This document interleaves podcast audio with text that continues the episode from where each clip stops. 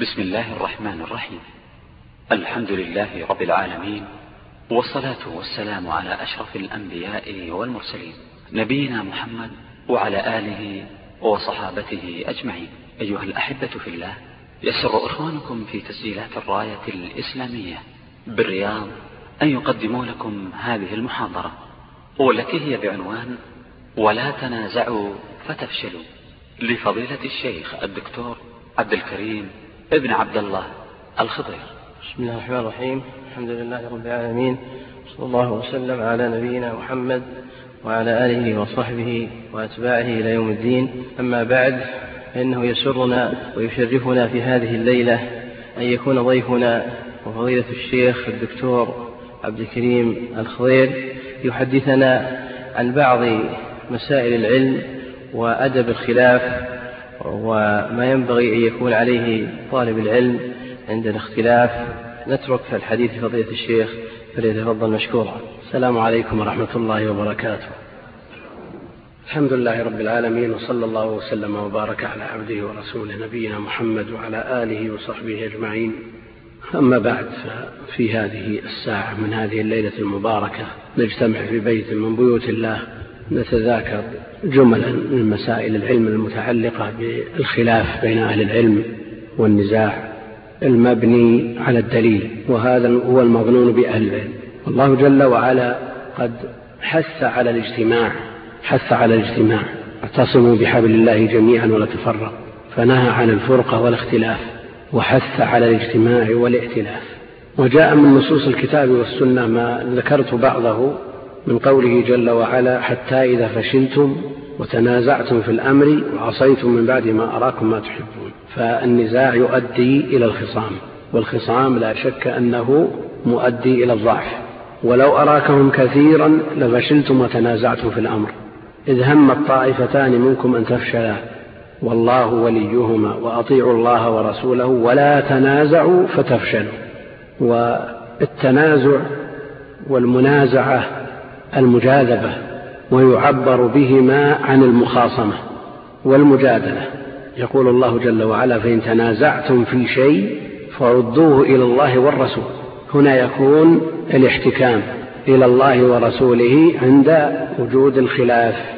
فردوه إلى الله والرسول ومن الرد إلى الله والرسول الرد إلى القواعد العامة المستنبطة مما جاء عن الله وعن رسوله وإلى الأصول المأخوذة من الكتاب والسنة.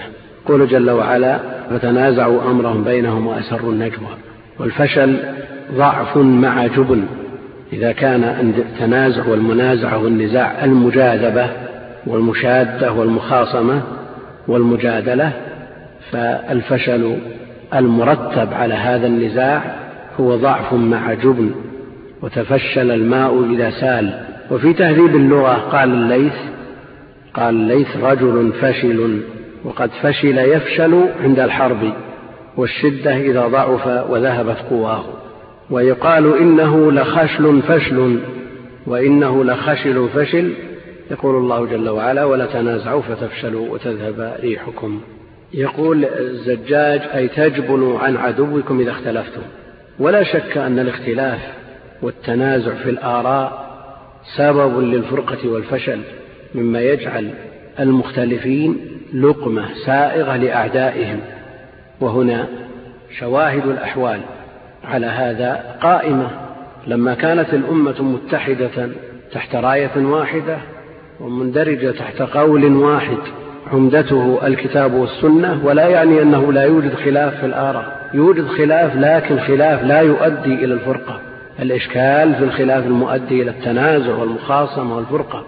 الاجتماع في الرأي والكلمة ألفة ينشأ عنها اتحاد وقوة والاختلاف في الظاهر يؤدي إلى الاختلاف في الباطن وهذا لا شك فيه كما أن الاتفاق في الظاهر يؤدي إلى الاتفاق في الباطن ولذا حرم النبي عليه الصلاة والسلام التشبه بالكفار لأن موافقتهم في الظاهر تؤدي إلى موافقتهم في الباطن. والعكس بالعكس. خلاف معهم في الظاهر يؤدي إلى منابذتهم في الباطن. وقل مثل هذا في الخلاف والوفاق مع المخالفين من المسلمين. بالنسبة للاختلاف هذا النصوص التي تقدمت في النزاع وهذا في الاختلاف.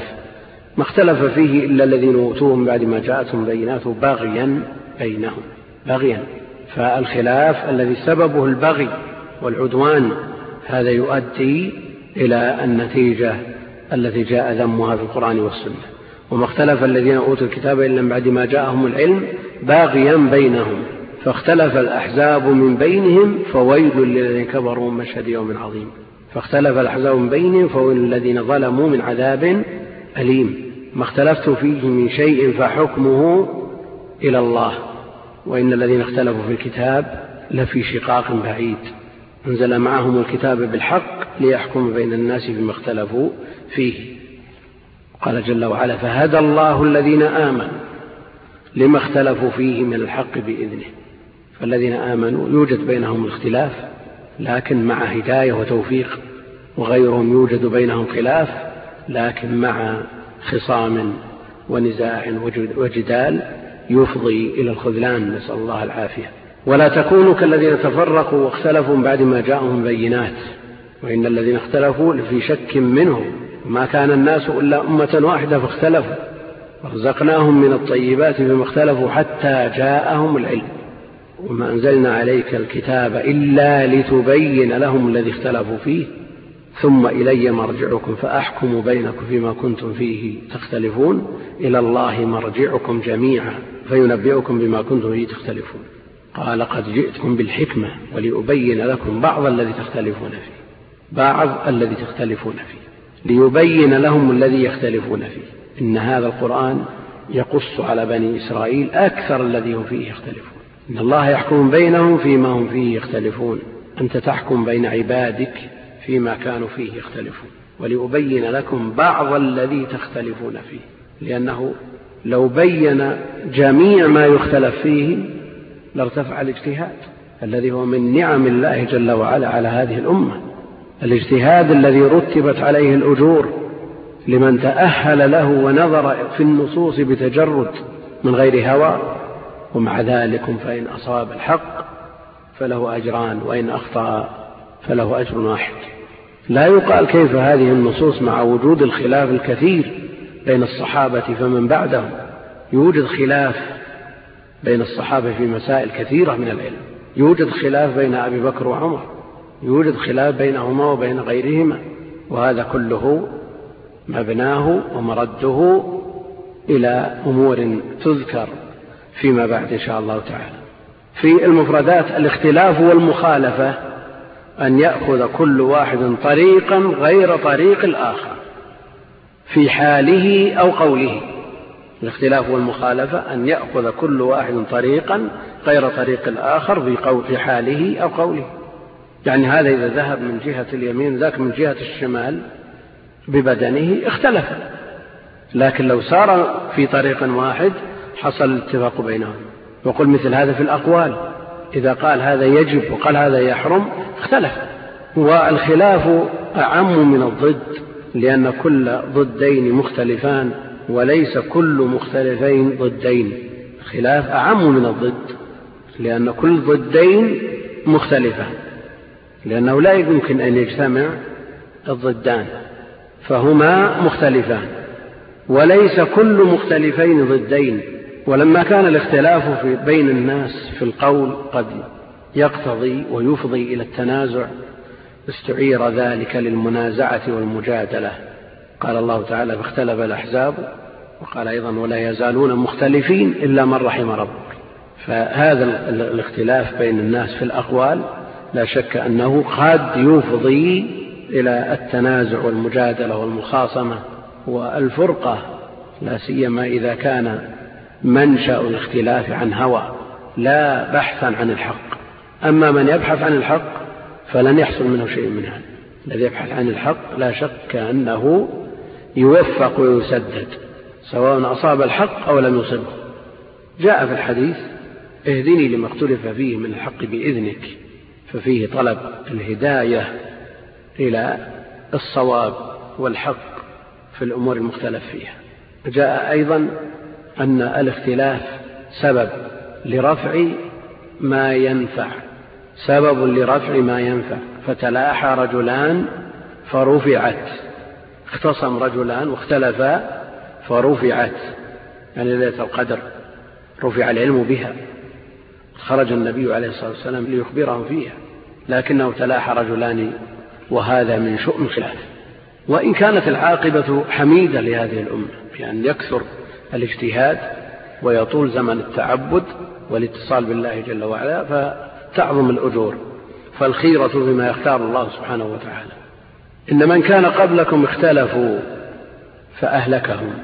الله جل وعلا بسبب خلافهم.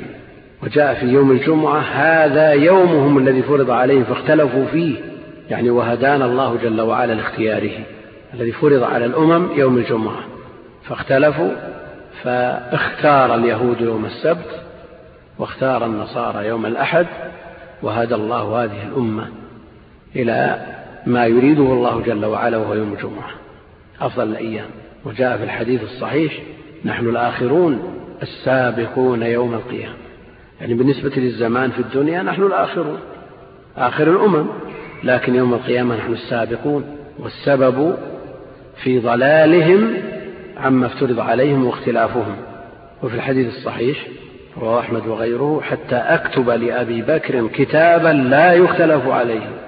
وفي الحديث أيضا المخرج في صحيح مسلم استووا ولا تختلفوا فتختلف قلوبكم. وهذا فيه دليل على الاختلاف في الظاهر يجر إلى الاختلاف في الباطن. ومنه أيضا إنما جعل الإمام ليؤتم به فلا تختلفوا عليه. إنما هلك من كان قبلكم بكثرة سؤالهم واختلافهم على أنبيائهم. في البخاري عن علي رضي الله تعالى عنه قال أقضوا كما كنتم تقضون. أقضوا كما كنتم تقضون فإني أكره الاختلاف.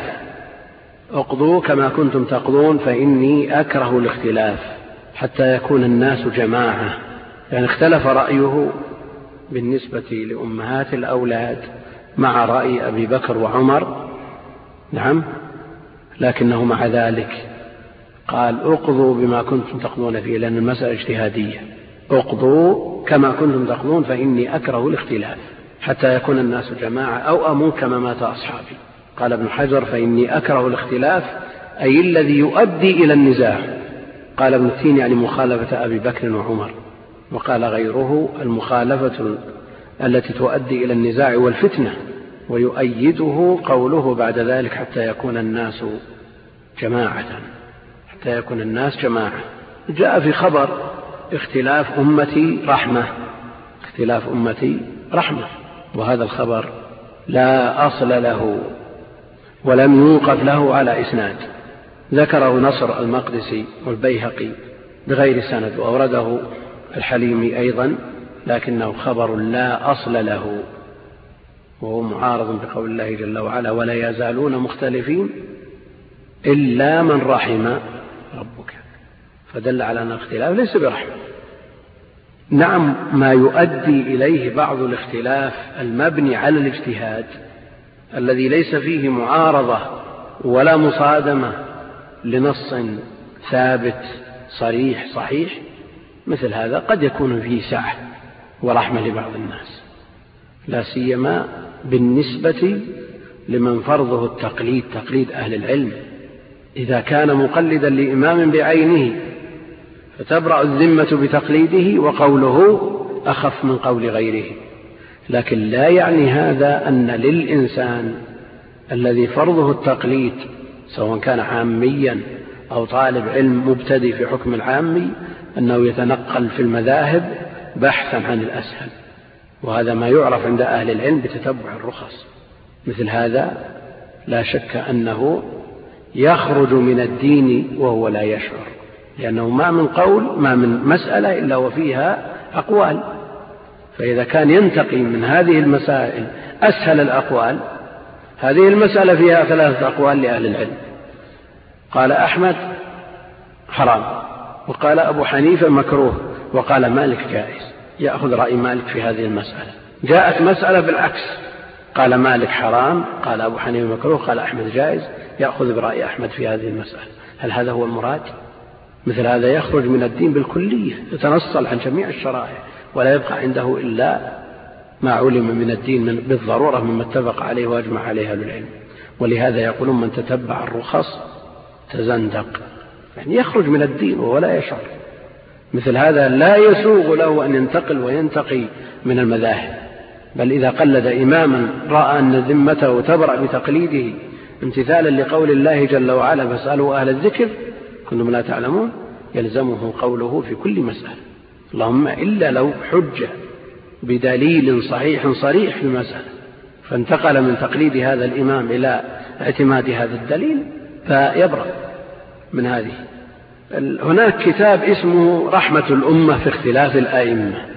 رحمة الأمة في اختلاف الأئمة ومبني على هذا الحديث الذي لا أصل له وهو لمحمد بن عبد الرحمن الدمشقي الشافعي اسمه رحمة الأمة في اختلاف الأئمة وعرفنا أن الحديث لا أصل له. ابن مسعود رضي الله عنه فيما رواه أبو داود في كتاب المناسك الله بن مسعود صلى أربعا في الحج وهو يرى القصر وقد عاب على عثمان رضي الله عنه أنه صلى أربعا القصر أفضل. صلى ابن مسعود أربعا فقيل له عبت على عثمان ثم صليت أربعا. قال الخلاف شر. الخلاف شر. الخبر وإن كان في إسناده جهالة لكنه صار عنده مطية لكثير من من, من أراد أن يوافق حسب هواه بعض المخالفين. فإذا وجد في بلد يعتمدون على إمام بعينه ثم حضر عندهم أو وجد بينهم تجده يوافقهم ويقول الخلاف شر. أحيانا يترك بعض الواجبات ويقول الخلاف شر. وأحيانا يرتكب بعض المحرمات ويقول الخلاف شر. لكن هل هذا الكلام على إطلاقه؟ إن صح عن ابن مسعود. الخلاف في جملته شر والوفاق والاتفاق خير. لكن يبقى أنه هل كل خلاف شر. يعني هل معنى هذا أننا إذا قدمنا إلى بلد وأهله على مذهب معين يعملون عملا هو في نظرك واجتهادك محرم تقول الخلاف شر وتعمل وتوافقهم على ما يعملون؟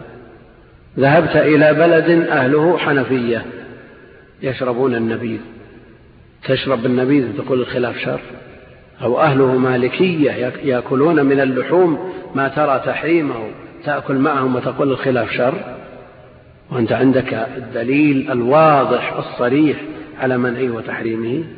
أو تترك بعض الواجبات بناء على أن الخلاف شر؟ لا شك أن الجملة في أصلها في أصلها في جملتها لها أصل لكن يبقى أنها تحتاج إلى تقييد. تحتاج إلى تقييد. هناك قواعد يطلقها أهل العلم تحتاج إلى شيء من التقييد. هنا الخلاف شر. يعني ترى المحرم وترتكب المحرم وتقول الخلاف شر. نعم إذا كان المسألة خلاف بين فاضل ومفضول. أنت عندك سنة وهم عندهم. نعم. آه، مباح مثلا. ويفعلونه. تقول الخلاف شر. أو العكس. هم يفعلون أمرا يرونه مباحا وأن تراه مكروه.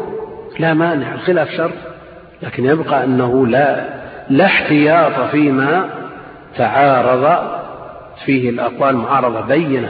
أن ترى واجب يرى محرم تتفق معهم وتقول الخلاف شر هذه لا بد من تقييدها. أهل العلم يطلقون أيضا العبرة بعموم اللفظ لا بخصوص السبب ونقلوا الاتفاق على ذلك.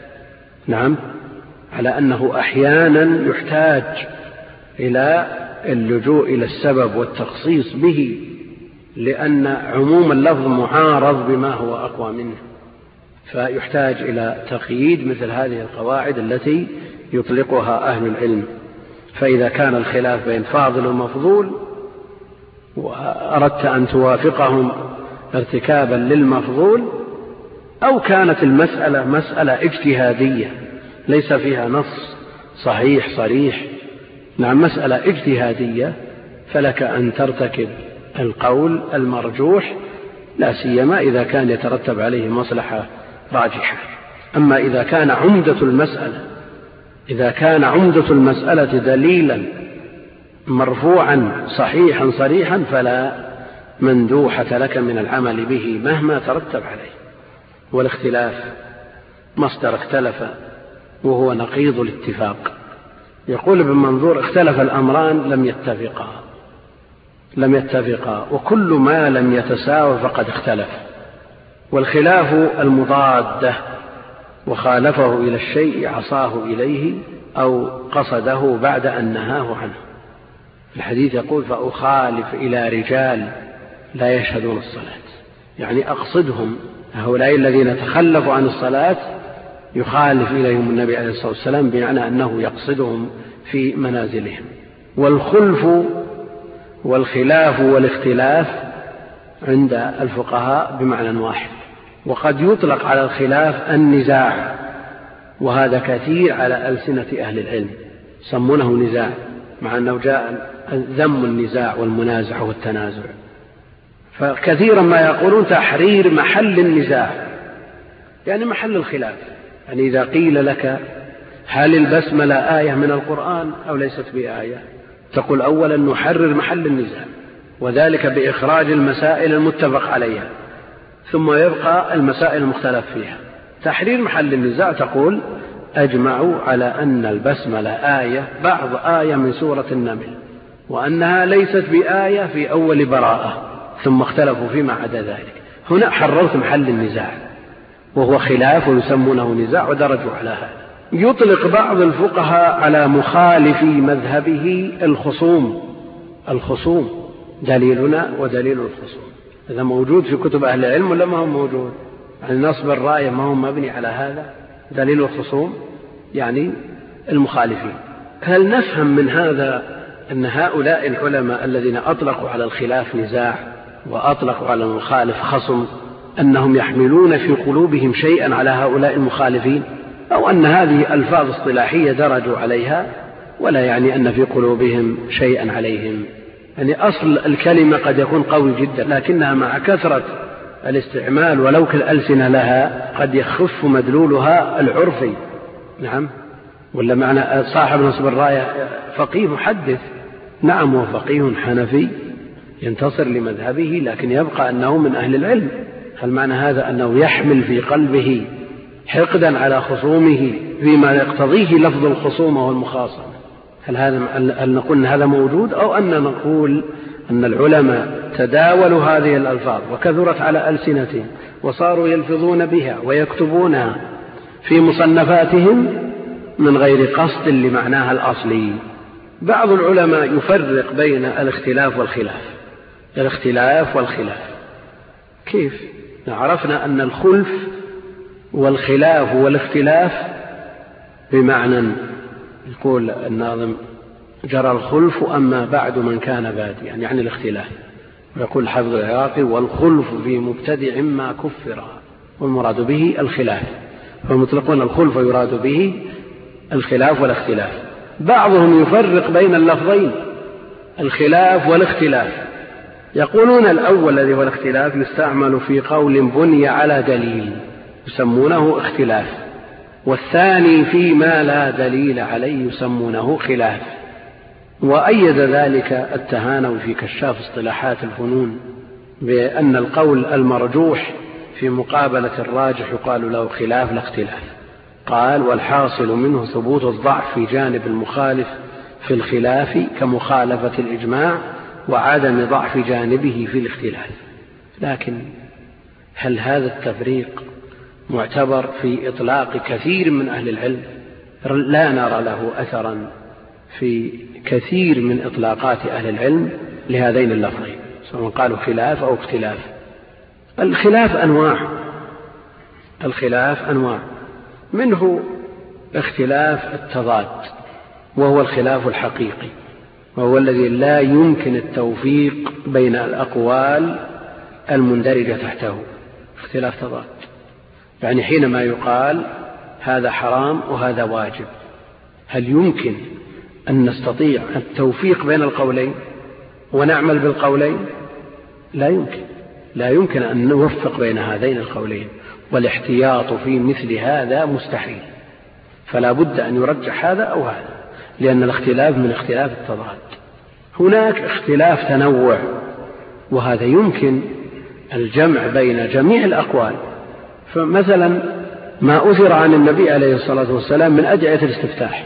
هل نقول نرجح بين هذه الأدعية ونعمل بواحد منها أو نقول هذا اختلاف تنوع بمعنى أننا نستفتح بهذا ونستفتح بهذا ونستفتح بالثالث. وإذا عرفنا أن بعضها يقال في ظرف أو حال أو في وقت عملنا به وقل مثل هذا في صيغ التشهد. وقل مثل هذا فيما ثبت عن النبي عليه الصلاة والسلام من قول ربنا لك الحمد ربنا ولك الحمد اللهم ربنا لك الحمد اللهم ربنا ولك الحمد. هل نرجح بأن زيادة المبنى تدل على زيادة المعنى ونعتمد ما اجتمع فيه الواو واللهم لأنه أكثر؟ أو نقول كلها ثابتة فأحيانا نقول هذا ونقول هذا ولعل هذا هو المتجه. يعني حينما يختلف المفسرون في تفسير الصراط وفي كثير من ألفاظ القرآن ما هو من هذا النوع؟ اختلاف تنوع. وأشار إلى هذا شيخ الإسلام وضرب له أمثلة في مقدمة التفسير. الأول اختلاف التضاد. ينقسم إلى اختلاف معتبر واختلاف غير معتبر. اختلاف معتبر واختلاف غير معتبر. فالمعتبر ما دل عليه دليل. يعني له مأخذ شرعي فهو خلاف معتبر. أما ما لا دليل عليه مما بني على استحسان أو اجتهاد أو قياس في مقابل نص فالقياس في مقابل النص عند أهل العلم فاسد الاعتبار. هناك خلاف أيضا يتساهل فيه أهل العلم وخلاف يتشددون فيه. فالخلاف في أصول الدين مثلا. الخلاف في أصول الدين. المسائل المتعلقة بأصول الدين وهي مسائل الاعتقاد لا تخلو إما أن يثبت اتفاق السلف عليها بحيث لا يوجد بينهم مخالف كوجود الله ووحدانيته وأسمائه وصفاته التي جاءت النصوص الصريحة بها فهذا القسم لا يسوغ فيه الخلاف ولا يعذر فيه المخالف. ويطلق عليه حينئذ مبتدع الذي يخالف في مسائل الاعتقاد التي اتفق عليها الصحابة والتابعون ومن تبعهم من سلف هذه الأمة وأئمتها. مسائل الاعتقاد التي ثبت فيها الاختلاف بين السلف. وهذه في الغالب إذا كانت الأدلة محتملة. إذا كانت الأدلة محتملة للنفي والإثبات كاختلافهم في رؤية النبي صلى الله عليه وسلم ربه ليلة الإسراء. تقول عائشة من زعم أن محمدا رأى ربه فقد أعظم الفرية. وابن عباس يثبت الرؤية فترجيح أحد القولين سائغ لكن بالدليل بالمرجح لا عن هوى. هناك مسائل صفات مثلا يتفق أهل العلم على أنها من آيات الصفات ويبقى وجه ربك السمع والبصر وغيرها مما ثبتت بالنصوص القطعية من الكتاب والسنة هذه ليس بين سلف هذه الأمة خلاف فيها لكن هناك آيات يختلف هل هي من آيات الصفات فأينما تولوا فثم وجه الله وهناك أيضا ما لا يقوى الدليل على إثبات الصفة به من وجهة نظر المخالف. فعلى سبيل المثال صفة العزم هل تثبت لله جل وعلا؟ صفة العزم. شيخ الإسلام ابن تيمية في مجموع الفتاوى أثبت لأهل السنة في هذه الصفة قولين. قال القول الأول لا تثبت صفة العزم لله جل وعلا. لماذا؟ لأنه لم يرد فيها حديث صحيح صريح مرفوع عن النبي صلى الله عليه وسلم. والصفات توقيفية. القول الثاني وهو الأصح كما يقول شيخ الإسلام أننا نثبت صفة العزم لله جل وعلا. هل في حديث صريح الرفع؟ ما به الباب توقيفي باب الصفات توقيفي. كيف يقول شيخ الإسلام هو الأصح؟ فيه آثار لكن من أقواها ما جاء عن أم سلمة كما في كتاب الجنائز من صحيح مسلم فعزم الله لي فقلتها فأثبتت صفة العزم وأن الله يعزم. نعم.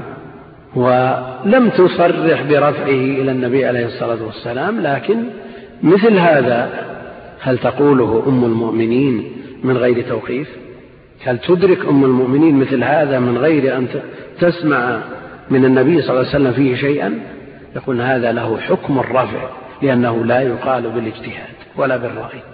ولذا أثبتوا صفة العزم بهذا الخبر ومن نفاها فله سلف. فمثل هذا يسوغ فيه الخلاف.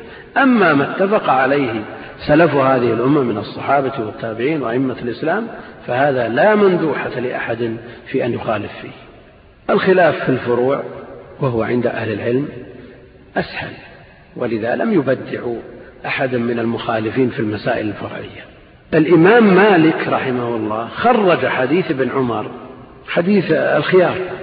نعم إذا تبايع الرجلان فكل واحد منهما بالخيار ما لم يتفرقا. نعم. البيعان بالخيار نعم. البيعان بالخيار ما لم يتفرقا. ومالك يقول لا خيار.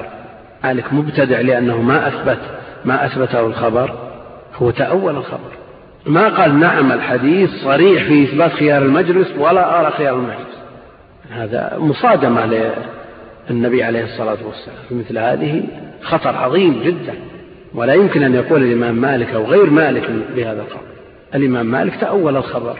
يعني ما لم يتفرقا يعني بالكلام. ما لم يتفرقا بالكلام. وابن حزم يرد على مالك وأبي حنيفة في تأويل هذا الخبر أنه لا بيع قبل التفرق بالكلام. والحديث يثبت البيع والبيع. والبيعان. كيف يكون بيعان أو يكون بيعين وهما لم يتفرقا في الكلام. ما تم الإجابة والقبول؟ هل يسمى بيع؟ ما يسمى بيع. فقولهم ضعيف مرجوح ولذا قال ابن أبي ذئب ينبغي أن يستتاب مالك. لماذا؟ لأن تأويله للخبر ضعيف. نعم هو متأول وله أدلة أخرى يدعم بها قوله ويرى أن الحديث معارض بأدلة أخرى وهو إمام من أئمة المسلمين نجم السنن وإمام دار الهجرة لا أحد يطعن فيه. لكن مع الأسف أنه يوجد ممن يناقش الأئمة في مثل هذه المسائل ويأتي بالألفاظ البشعة. كان يقول وبهذا قال مالك فأين الدين؟ وأحيانا يقول هذا قول من لا يؤمن بيوم الحساب. أو يقول هذا قول فلان وهو لا يساوي رجيع الكلب. هل هذا من أدب المسلم؟ فضلا عن طلبة العلم فضلا عن أهل العلم. خلاف له أدب والقول لا يمكن أن يقبل بهذه الطريقة مهما كانت قوته. لأن النفوس لها حظوظ ينبغي مراعاتها. فالرفق ما دخل شيئا إلا زانه ولا نزع من شيء إلا شانه. وأنت تنظر تناقش إمام كبير سواء كان من الموجودين أو من أو من المتقدمين ينبغي أن تتأدب بأدب أهل العلم. وعليك بالرفق. تناقش عالم من العلماء مثلا المعاصرين ترى أنه أخطأ. يمكن أن تناقشه بأدب إن كنت ندا له فلا مانع من أن تبسط المسألة بأدلتها وتلزمه بقبولها. نعم ما لم يجب عنها. لكن إذا كنت طالبه شيخ ألا تأتي بأسلوب تدخل إلى قلب هذا الشيخ ليسمع لك؟ نعم. بالمقابل هو أيضا مخاطب بأدب آخر وهو وجوب الانصياع لقال الله وقال رسوله. لكن أنت أيضا من أجل أن يقبل ما تأتي به وأنت ترجو ثواب الله جل وعلا بقبوله الحق فأنت تعرض ما عندك بالأسلوب المناسب. بعد أن تقدم بمقدمة تبين له أنك استفدت منه وأنه من أهل العلم والفضل وله فضل على الأمة لكن هذه المسألة لو قيل فيها كذا أو هل يثبت عنكم كذا أو ما حجتكم في كذا بالأسلوب المناسب اللطيف من أجل أن يقبل لأنك تخاطب عالم أنت تخاطب إنسان عادي ولا شك أن النفوس لها حظ وينبغي مراعاة هذه الحظوظ المسائل الفرعية منها ما حصل عليه الإجماع كالأمور المعلومة من بالضرورة من دين الإسلام فهذه لا يسوغ الخلاف فيها ولا يجوز الخلاف فيها بل بعضهم أو كأنهم يطبقون على أن من أنكر أمرا معلوما من الدين بالضرورة أنه يكفر. يعني لو قال بتحريم الخبز مثلا نعم ولا تأويل له سائر يعني لو قال هذا خبز حرام أكله. طيب ليش حرام؟ قال نعم فيه, فيه تعفين معفن فهو ضار. نقول نعم هذا مقبول. لكن خبز لا ضرر فيه ونظيف ولا إشكال فيه أو تمر لا يضر. إذا حرمه وقد ثبتت النصوص القطعية بإباحته عند أهل العلم يكفر يقول مثل هذا لو أباح أمرا معلوما من الدين بالضرورة. لو أباح الزنا وأباح شرب الخمر وهو ممن لا يخفاه مثل هذا فإنه يحكم بكفره عند أهل العلم وإن كانت مصنفة ضمن المسائل الفرعية. الفروع الاجتهادية التي قد تخفى أدلتها. الفروع الاجتهادية التي قد تخفى أدلتها. هذه هذه المسائل وهذه الفروع الخلاف فيها واقع في الأمة قديما وحديثا. ولن يرتفع مثل هذا الخلاف. لن يرتفع مثل هذا الخلاف. خلاف واقع بين الصحابة لاختلاف الفهوم أو فيما يتعلق بالأدلة على ما سيأتي.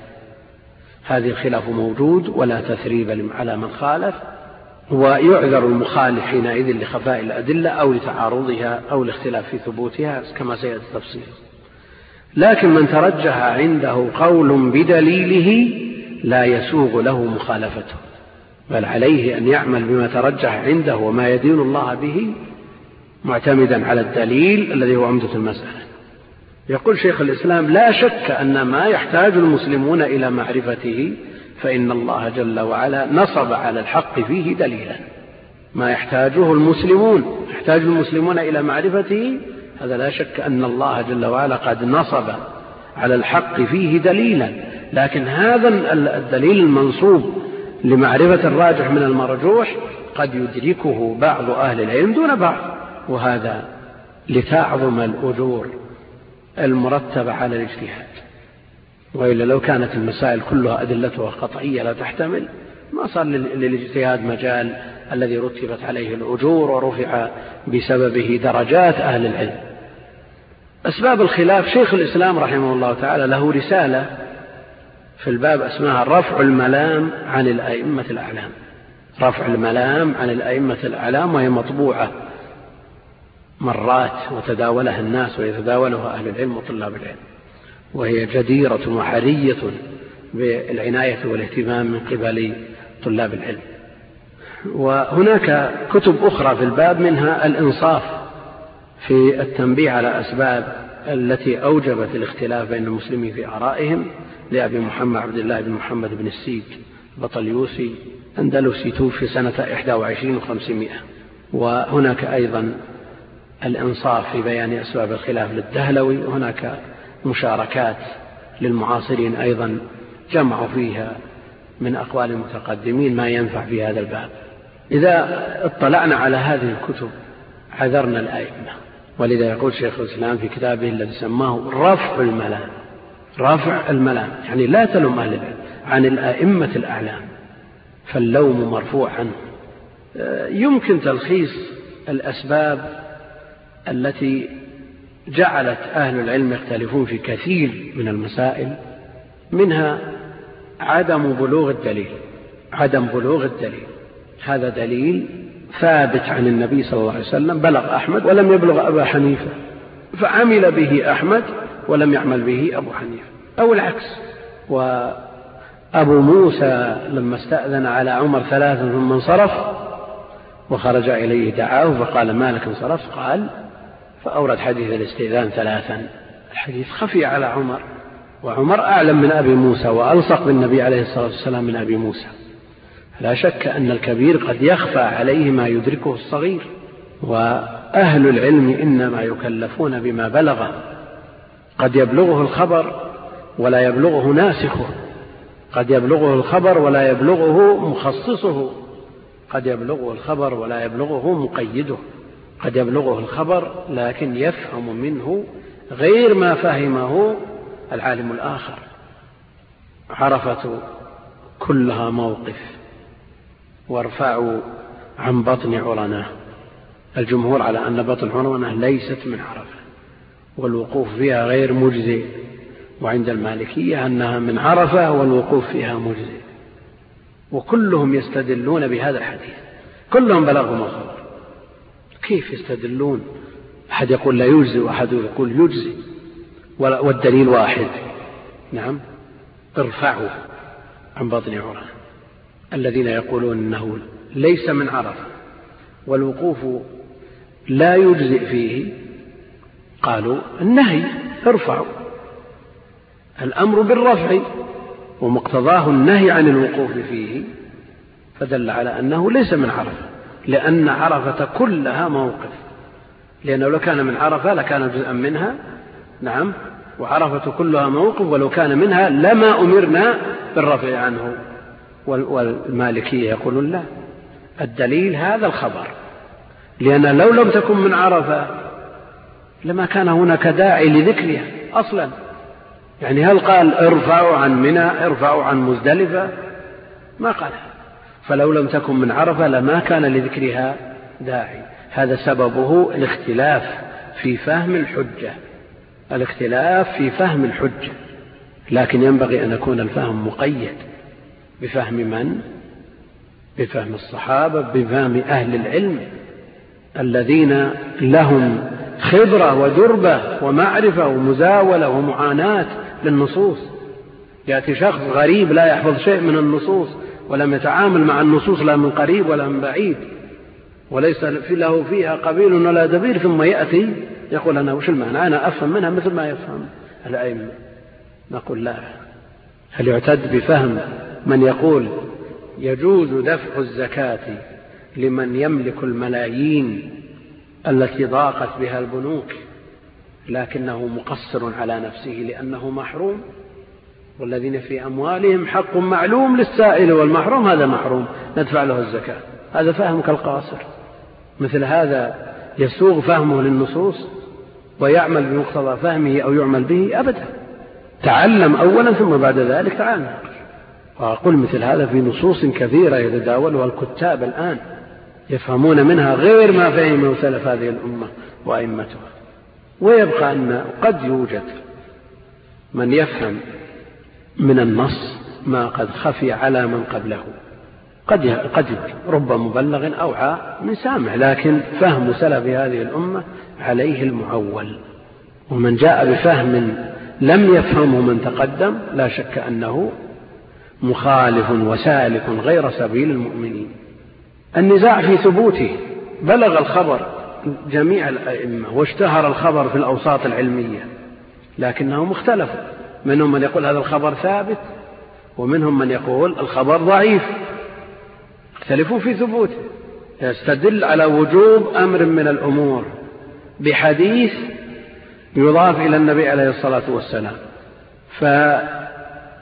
فيناقش من ينفي الوجوب ويقول بالإباحة. فيقول له الدليل قول النبي عليه الصلاة والسلام كذا. يقول يا أخي نعم أنا ما خفي علي هذا الدليل لكن الحديث ضعيف في فلان. أو سنده منقطع أو معارض بما هو منه أو متنوه مشتمل على شذوذ أو علة. وغير ذلك من وجوه الضعف المعتبرة عند أهل العلم. فقد يبلغ الخبر لكن ينازع في ثبوته. قد يسلم بثبوته لكنه يعارضه. بأدلة أخرى كما هو موقف الإمام مالك من حديث البيعان بالخيار قد يعمل من العلماء بحديث صحيح صريح ثم يعارضه غيره بدليل صحيح صريح. نعم مدعيا أن دليله ناسخ لدليل الآخر وقد يكون الأمر كذلك. فيستدل الحنابلة على أن الحجامة تفطر أفطر الحاجم والمحجوم حديث شداد بن أوس. يرد عليهم الشافعية بأن النبي عليه الصلاة والسلام احتجم وهو صائم ورأوا أن هذا متأخر لأنه في حجة الوداع وذاك عام الفتح المقصود أن مثل هذه الأمور معاذير لأهل العلم في خلافهم. قد يقول قائل النبي عليه الصلاة والسلام يقول الماء من الماء فلا غسل إلا بالإنزال. وكان هذا في أول الأمر لكن يعارضه من يقول أنه بمجرد الجماع ولو لم ينزل يجب الغسل. إذا جلس بين شعبها الأربع ثم جاهد فقد وجب الغسل. يعني ولو لم ينزل. فهذا ناسخ لذاك ومن لم يبلغه الناسخ نعم أو أمكنه أن يجمع بينهما قد يعمل بالخبر الأول أو يجيب عن الحديث الثاني. إذا أمكن الجواب. اعتقاد التخصيص. اعتقاد التخصيص. جعلت لي الأرض مسجدا وطهورا. اعتقاد التخصيص. اعتقاد التخصيص. جعلت لي الأرض مسجدا وطهورا. فيتيمم على ضوء هذا الخبر بجميع ما على وجه الأرض. جعلت لي الأرض مسجدا وطهورا. يستدل المخالف لأنه لا يتيمم إلا بالتراب. برواية جعلت تربتها لنا طهورا. جعلت تربتها. وفي هذا تتباين الأنظار. هل هذا تخصيص أو تقييد؟ فإذا قلنا تخصيص والتربة والتراب فرد من أفراد الأرض قلنا أن ورود الخاص في مثل هذا الموضع بحكم موافق لحكم العام لا يقتضي التخصيص. وإنما يذكر الخاص للعناية بشأنه والاهتمام به. لكن إذا قلنا أنه تقييد والتربة وصف من أوصاف الأرض قلنا يحمل المطلق على المقيد وهذا هو منشأ الخلاف. والمسألة في غاية الدقة. اعتقاد الخصوصية يستدل مستدل بعموم حديث للنبي عليه الصلاة والسلام ولأمته فيأتي العالم الآخر ويقول لا هذا لا يتناول الأمة. بل هذا خاص بالنبي عليه الصلاة والسلام. هذا خاص به بدليل أنه فعل بعد أن نهى. يقول مثلا على سبيل المثال جاء في الحديث غطي فخذك فإن الفخذ عورة. وجاء النبي عليه الصلاة والسلام في حديث أنس في الصحيح حسر النبي صلى الله عليه وسلم من فخذه. إذا قال الفخذ عورة قال الثاني حسر النبي عليه الصلاة والسلام من فخذ قال الأول أن هذا خاص بالنبي عليه الصلاة والسلام. بدليل أنه أمر بالتغطية وفعل ما يخالف هذا الأمر فنحمله على الخصوصية. والخصوصية والحمل على اختصاصه بالحكم لا بد له من دليل. فينظر في الأدلة الأخرى هل فيها ما يشير؟ غير مجرد فعله عليه الصلاة والسلام.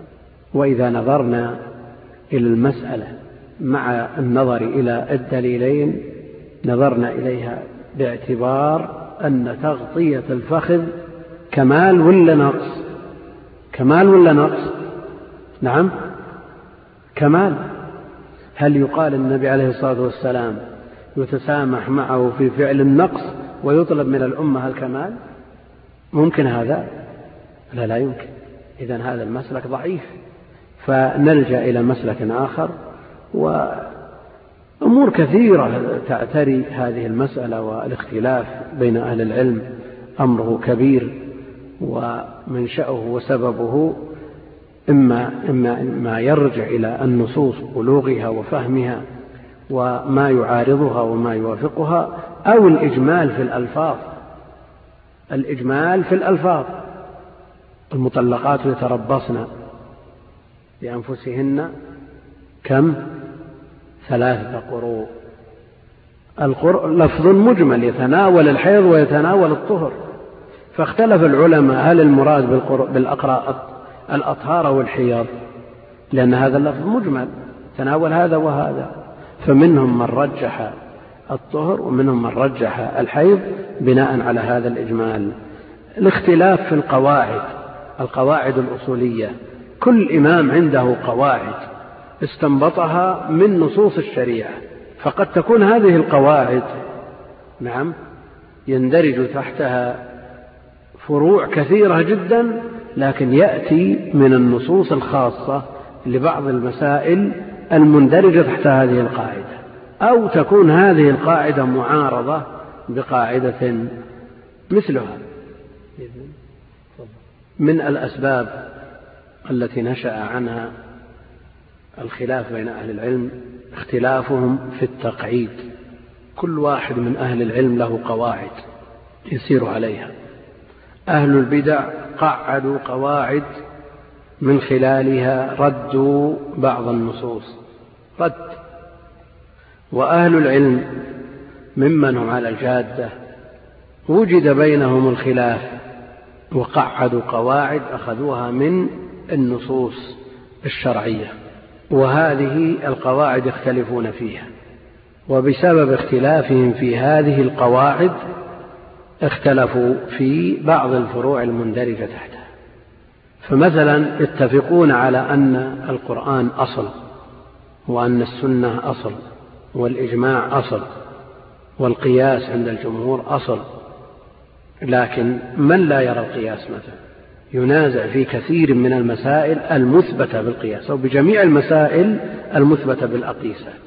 منهم من يرى قول الصحابي أصل وغيره لا يراه أصل فيستدل من يراه أصلا بقول صحابي ويخالفه الآخر بمعارضته بأن قول الصحابي لا يحتج به.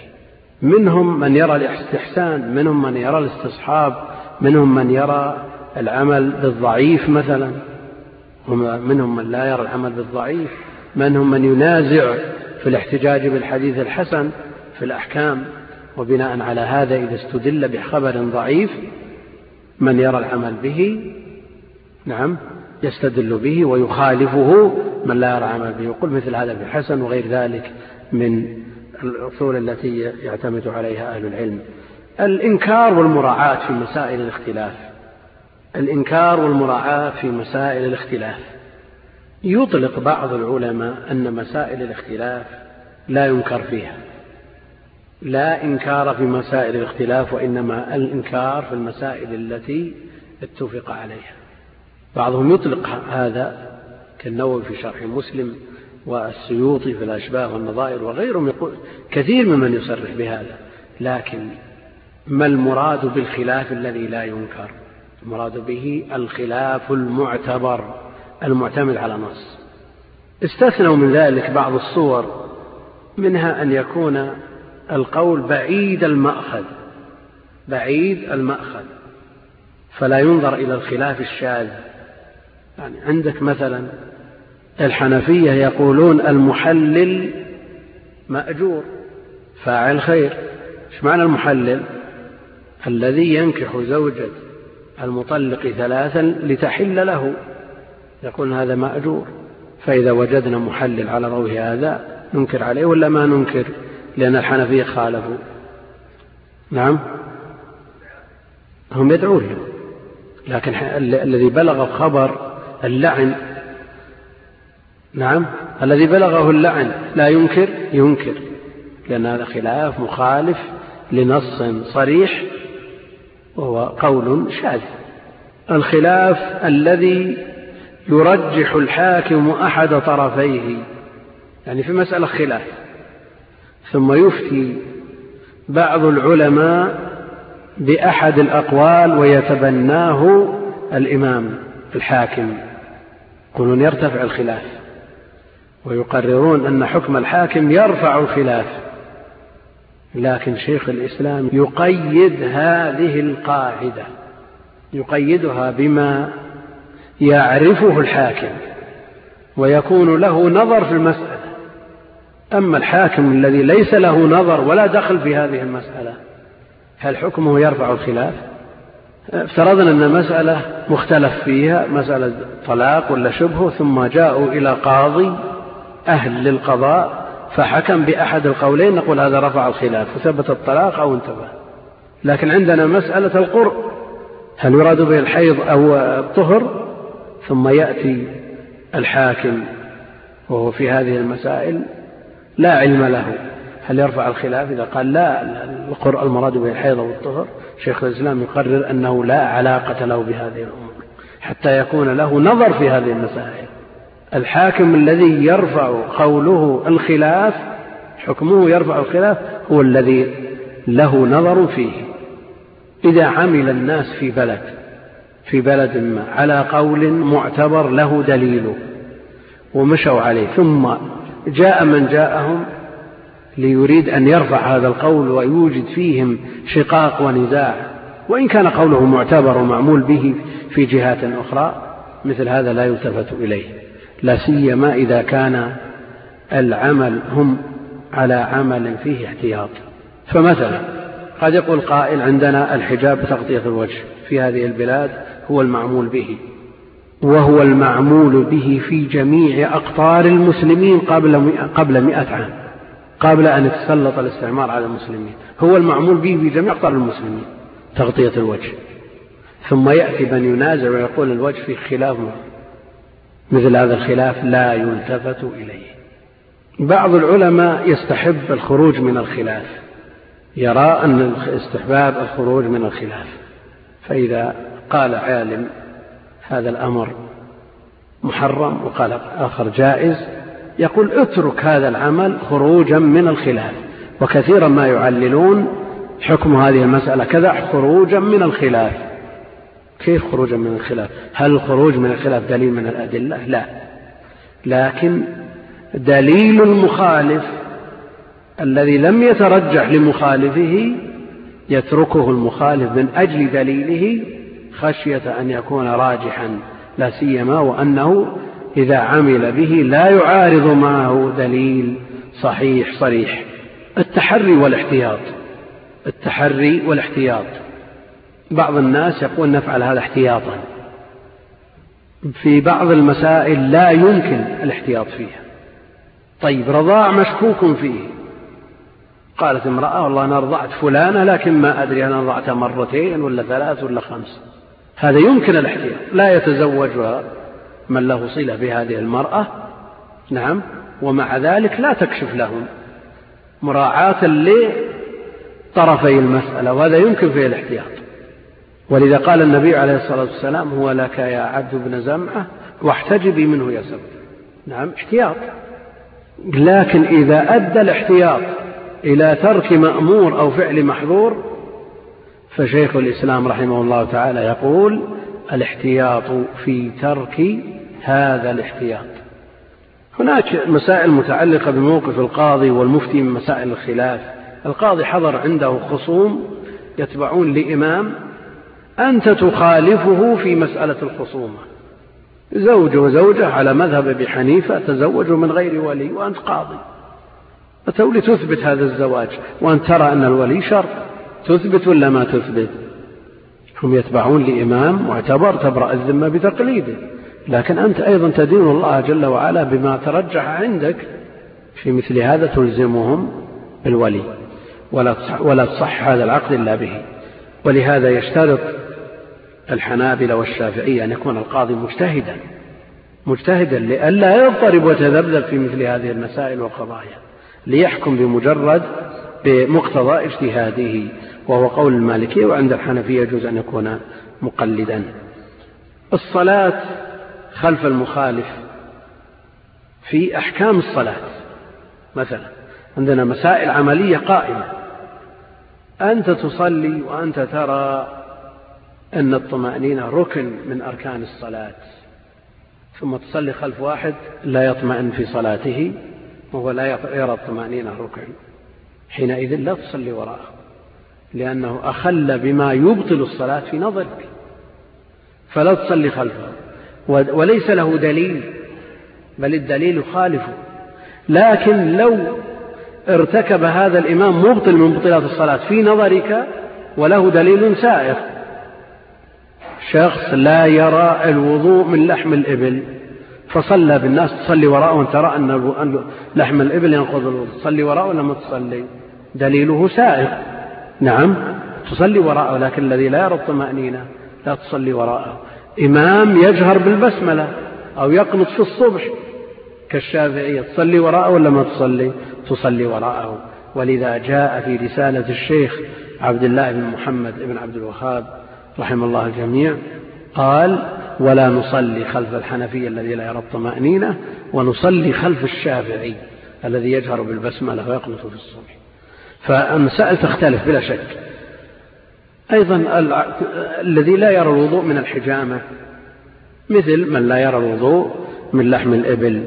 سئل الإمام أحمد عمن رأى الإمام قد احتجم ثم قام إلى الصلاة ولم يتوضأ أتصلي خلفه. فقال كيف لا أصلي خلف مالك وسعيد بن المسيب؟ يعني أئمة لهم أدلتهم فمراعاة الإمام للمصلين لمن خلفه. إذا كانوا يخالفونه في أحكام الصلاة. أهل العلم بعضهم يرى ارتباط الوثيق بين المأموم والإمام فيقرر أن صلاة المأموم تبطل ببطلان صلاة إمامه. فتبعا لهذا هل يراعي المأموم من خلفه أو لا يراعيهم؟ عرفنا أن المأموم يصلي خلف الإمام وإن كان مخالفا له في بعض المسائل دون بعض لكن المأموم المأموم لا يرى الجهر بالبسملة والمأموم الإمام لا يرى الجهر بالبسملة وكلهم يرون الجهر بالبسملة. ماذا يصنع؟ يجهر ولا ما يجهر؟ هل يراعي المأمومين ولا ما يراعيهم؟ يقول هذه المسألة سهلة والخلاف فيها سائغ ولو راعاهم والخلاف شر كما تقدم عن ابن مسعود لا بأس. لكن إذا كانوا يرون شيء يخل بالصلاة يراعيهم ولا ما يراعيهم؟ لا يراعيهم. ولذا نقول نقرر أن قاعدة الخلاف شر المأثورة عن ابن مسعود ليست على إطلاقها فتقبل في بعض المسائل دون بعض والمسألة كبرى وتحتاج إلى دورة ما هم محاضرة. مسألة الخلاف وما يتعلق به لا سيما وأن الخلاف الآن على أشده ويفتي من خلال وسائل الإعلام من ليس بأهل للفتوى وأطلع عوام المسلمين على الأقوال المخالفة وعلى الشبه التي تقع في قلوبهم وهم في قعر بيوتهم مثل هذا الموضوع يحتاج إلى عناية كبيرة فلو أقيم له دورة ما هو كثير. فأطلع العوام على الخلاف فحصل عندهم شيء من الاضطراب وكثير منهم نسب هذا الاختلاف إلى اختلاف الدين فيرون أن الدين تغير وأن الدين عرضة لأن يغير وأن يبدل وهم لا يعرفون من أسباب الخلاف شيء التي يعذرون بها أهل العلم. فما دام العوام أطلعوا على الخلاف من حقهم أن يطلعوا على أسباب الخلاف بأسلوب يناسب عقولهم وإدراكهم. الموقف ممن يفتي ما بغير علم أو بهوى أو ديدنه التساهل أو ديدنه التشدد المقصود أنه ليس على الجادة دين يسر ولن يشاد الدين أحد إلا غلبه. لكن يعني لا يعني هذا أننا نتنصل من الدين ونتتبع الرخص لا علينا بالدليل. فكل قول يسنده الدليل هو الذي يجب أن يعمل به وهو الذي يفتى به. مع الأسف أن القنوات وغيرها من وسائل الإعلام مكنت بعض الناس من القول على الله بغير علم وهذه كارثة.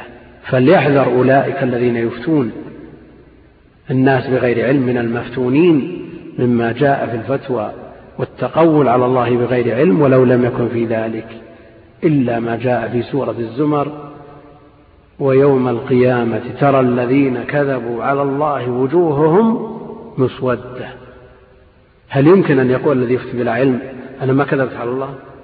ولا تقولوا لما تصف ألسنتكم الكذب. هذا حلال وهذا حرام. بل يدخل في هذه المسألة دخولا أوليا.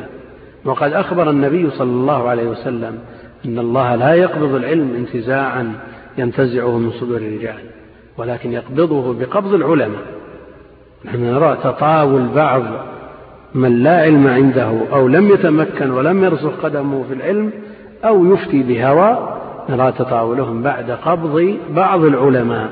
فكيف لو قبض أهل العلم ولم يبقى إلا أمثال هؤلاء الذين يفتون بالهوى. نسأل الله السلامة والعافية. منهم من يسلك مسلك التساهل محتجا بأن الدين يسر ولن يشاد الدين أحد إلا غلبه. ومن وما خير النبي صلى الله عليه وسلم بين أمرين إلا اختار أيسرهما. نعم ما خير بين أمرين إلا اختار أيسرهما. لكن متى هذا هذا في وقت التنزيل؟ الذي ينزل الوحي بالتأييد واختيار النبي صلى الله عليه وسلم شرع لكن هل يختار أيسر القولين من ليس بمشرع؟ هذا مثل ما ذكرنا هذا تتبع للرخص ومثل هذا يخرج من الدين بالكلية وهو لا يشعر.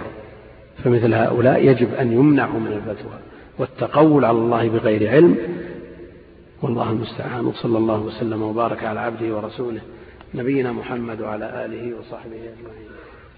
طيب نأخذ بعض الأسئلة. يقول إذا لم يعجب بعض الناس فتوى من بعض العلماء قالوا كل يؤخذ من قوله ويرد فمن الذي يأخذ ويرد؟ آه الذي يأخذ ويرد من له نظر.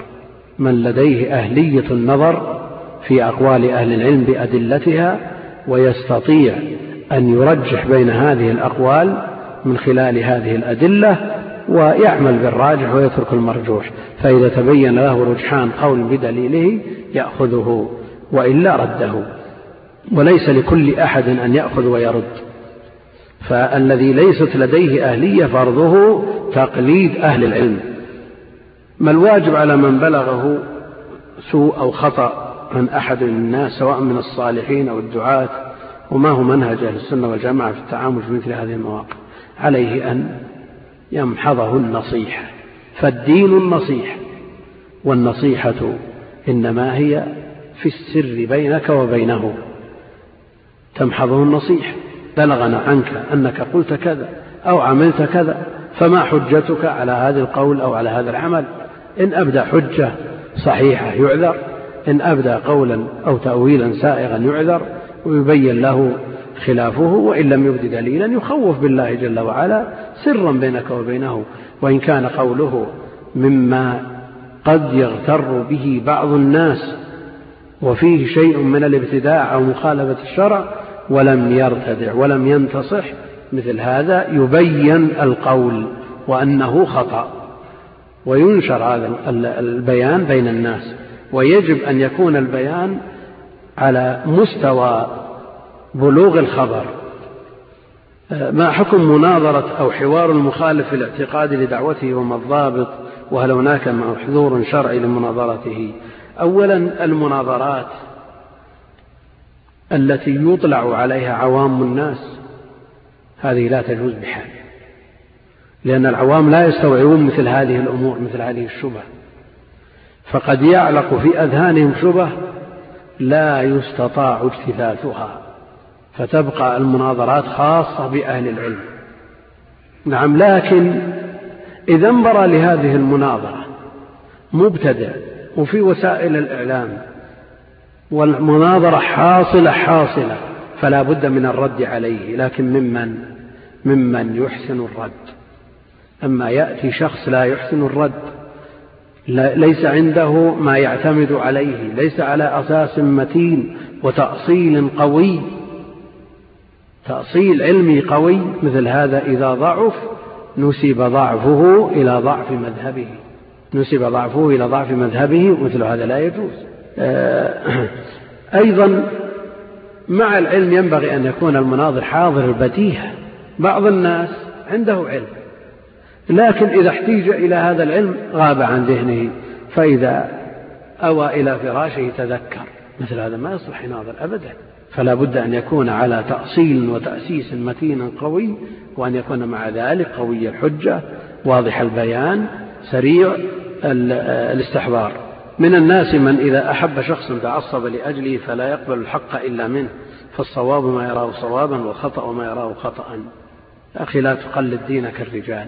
وكل يؤخذ كما تقدم في الكلام من قوله ويرد إلا المعصوم عليه الصلاة والسلام. فهذا العالم الذي تراه بالفعل عالم والناس والأمة تشهد له هذا ليس بمعصوم لا بد أن يقع منه الخطأ وليس بمعصوم وحينئذ الصواب منه يقبل وغيره يرد عليه.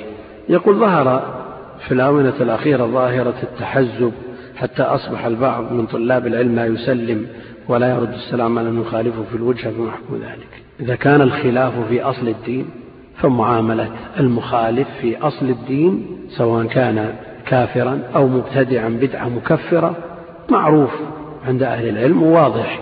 المخالف في أصل الدين ببدعة غير مكفرة فمثل هذا يسلك في حقه الأصلح والتأليف أمر معروف في الشرع ويصرف للمؤلفة قلوبهم من الزكاة وهي ركن من أركان الإسلام.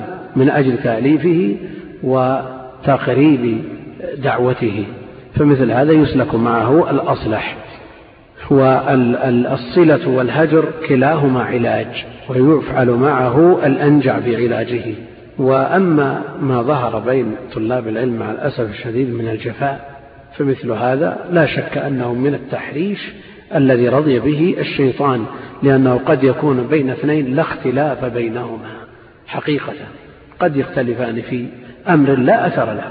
أمر يسير للمخالف فيه مندوحة والشرع يستوعبه. ما المقصود بتجديد الخطاب الديني وما ضابطه الشرعي تجديد الخطاب الديني نسمعه كثيرا في الأيام الأخيرة والمراد به آه، مخاطبة الناس بما يناسب العصر وتطورات العصر والناس لا بد أن يغير معهم الخطاب سواء كانوا من الموافقين أو المخالفين والتغيير والتجديد إذا كان في حدود ما يبيحه الله ورسوله فهو مقبول وإلا فلا. والله أعلم صلى الله وسلم وبارك على عبده ورسوله نبينا محمد وعلى آله وصحبه أجمعين.